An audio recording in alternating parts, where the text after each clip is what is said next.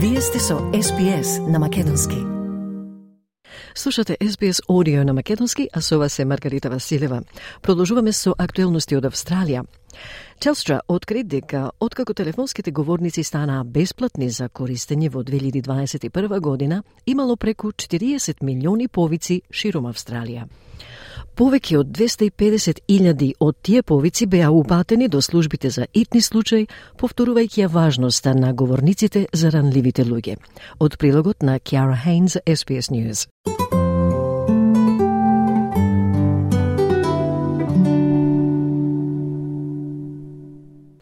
За многумина, телефонските говорници се начин на комуникација од старата школа – За новите генерации, тие се користат дури и за можности за фотографирање, да позираат како лондонски турист на ноќно излегување. Но реалноста за тоа како се користат телефонските говорници во Австралија не е толку оптимистичка. Новите податоци од Телстра открија колку говорните телефони се необходни за ранливите луѓе, а особено во услови на криза на трошоците за живот.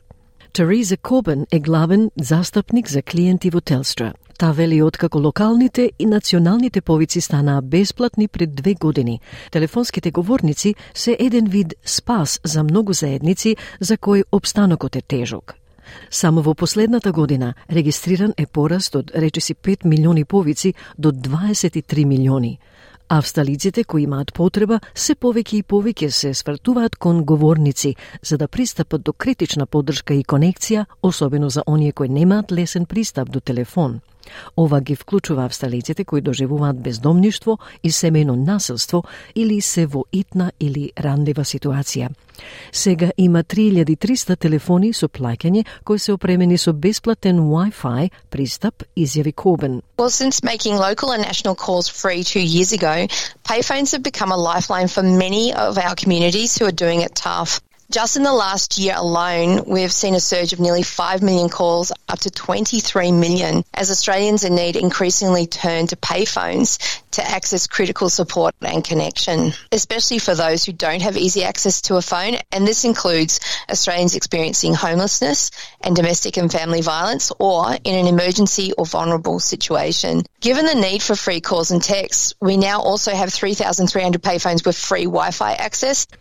Во август 2021 година, Телстра ги направи сите локални и национални повици до стандардните фиксни броеви повиците до австралиските јавни телефонски говорници бесплатни. Од тогаш, побарувачката е повеќе од двојно зголемена, со речиси 2 милиони бесплатни повици секој месец. На 40 милиони повици се направени откако беа воведени бесплатните повици, вклучително и 250.000 повици до службите за итни случаи. Госпоѓата Кобен објаснува дека во изминатава година над 250.000 бесплатни повици беа упатени до службите за итни случај, линијата за известување на Centrelink и дополнителни 30.000 повици до 3 пати нула во споредба со предходната година. In the past year, over 250,000 free calls were directed to emergency services, and we also saw a really significant spike in the calls to essential helplines, including over 12,000 calls to Lifeline, over 12,500 calls to Headspace, space, nearly 86,000 calls to Centrelink's reporting line, and an additional 30,000 calls to Triple Zero compared to the previous year. We know our payphones are used for many Aussies experiencing homelessness and are a critical part of finding the connection and support to help get them back on their feet. The most used payphone in Australia, for example, is at the Sacred Heart Mission Crisis Centre, which provides support to people experiencing homelessness. Речиси 3000 повици се остваруваат од Sacred Heart Mission Crisis Center во центарот на Мелбурн секој месец. Но групите за бездомници велат дека не е изненадувачки што најкористената телефонска зборница во Австралија е во Организација за поддршка на бездомниците – Кейт Колвен е главен извршен директор за бездомништво во Австралија. Таа смета дека бесплатните говорници можат да направат вистинска разлика, затоа што ако луѓето треба да побараат помош, може би немаат телефон, може би немаат кредит на телефонот или не се во позиција каде што можат да ги полнат своите телефони. Пристапот до бесплатна телефонска говорница може да значи дека некој може да побара помош, додека во спротивно не би можел. Секогаш е важно да се биде поврзан, вели Колвен. Free payphones can make a real difference because um, if people need to reach out for help, they may not have a phone, they may not have credit on their phone or be in a position where they can charge their phone. So um, having access to a free payphone might mean that someone can reach out for help, whereas otherwise they wouldn't have been able to. It's always important to be connected. I mean, someone who's experiencing homelessness might need to reach out to family members. They might need to stay, they, you know, they're going to want to stay in contact with their um, with their friends. Бесплатните телефонски говорници не беа само корисни за оние кои се соочуваат со бездомништво. Господјата Колвен вели дека во услови на криза со трошоците за живот, да се има достапна опција за бесплатна комуникација им користи на сите. Имањето од телефонски план може да биде навистина значителен трошок и луѓето мораат да ги намалат трошоците за изнајмување затоа што се зголемуваат трошоците за кирија или се зголемуваат сите нивни трошоци. Having a phone plan can be a really significant expense and if people have had to cut back because their cost of rent is increasing or all of their costs are increasing, then they may um, have not been able to keep up with their sort of telco plan. Increasingly, access to government services relies on you having access to a computer, being able to conduct your business online. And having access to um, free Wi Fi can mean the difference between people being able to access the services that they need and, and basically being locked out. Зголемената важност што ја имаат говорниците во регионалните заедници се рефлектира и на локациите на најкористените телефонски говорници.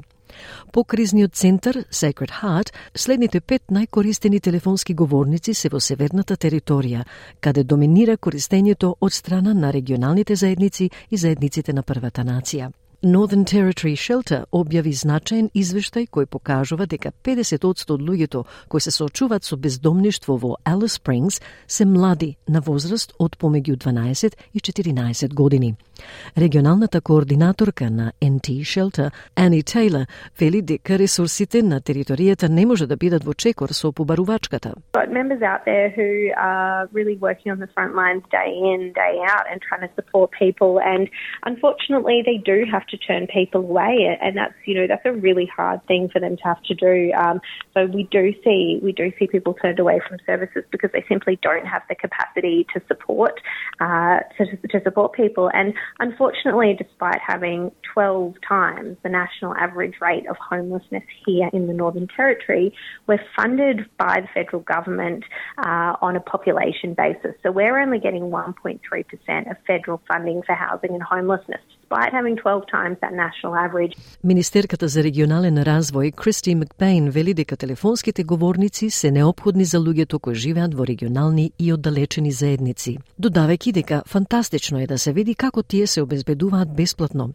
Дигиталниот јаз е огромен помеѓу градот и регионалните и оддалечени предели, вели министерката Макпейн. Incredibly important that regional communities have access to telecommunications. Uh, and we know uh, across our communities we've seen payphones disappearing, um, but our communities uh, absolutely need them, and it's fantastic to see them being provided free of charge. The digital divide is huge uh, between the city and the bush, and we know for so many of our communities that uh, ability uh, and affordability of, of their own Wi Fi is difficult. Uh, that's why we see so many people attending the local libraries, and uh, this will provide another avenue of support for those people needing connectivity. Министерката Макбейн вели дека зголеменото подпирање на телефонските говорници во регионалните заедници е индикација за тоа колку поврзаноста се уште е проблем во вон градските предели. Connectivity is no longer a nice to have, it's an absolute necessity, uh, and whether that's for growing or expanding your business, whether that's working from home or studying online, uh, or whether that's simply keeping in touch with family or friends, it is essential uh, to our way of life now. Um, and we need to make sure that there is more money being put into regional Australia um, for both uh, dealing with mobile phone black spots, but also dealing with connectivity issues. And that's why uh, I'm incredibly proud that the Albanese Labor government is delivering on its regional communication enhancements. Поврзаноста е необходна. И без разлика дали тоа е за проширување на бизнис, работа од дома или учење на интернет, или пак оддржување контакт со семејството и пријателите, поврзаноста е од суштинско значење за начинот на кој го живееме животот денес.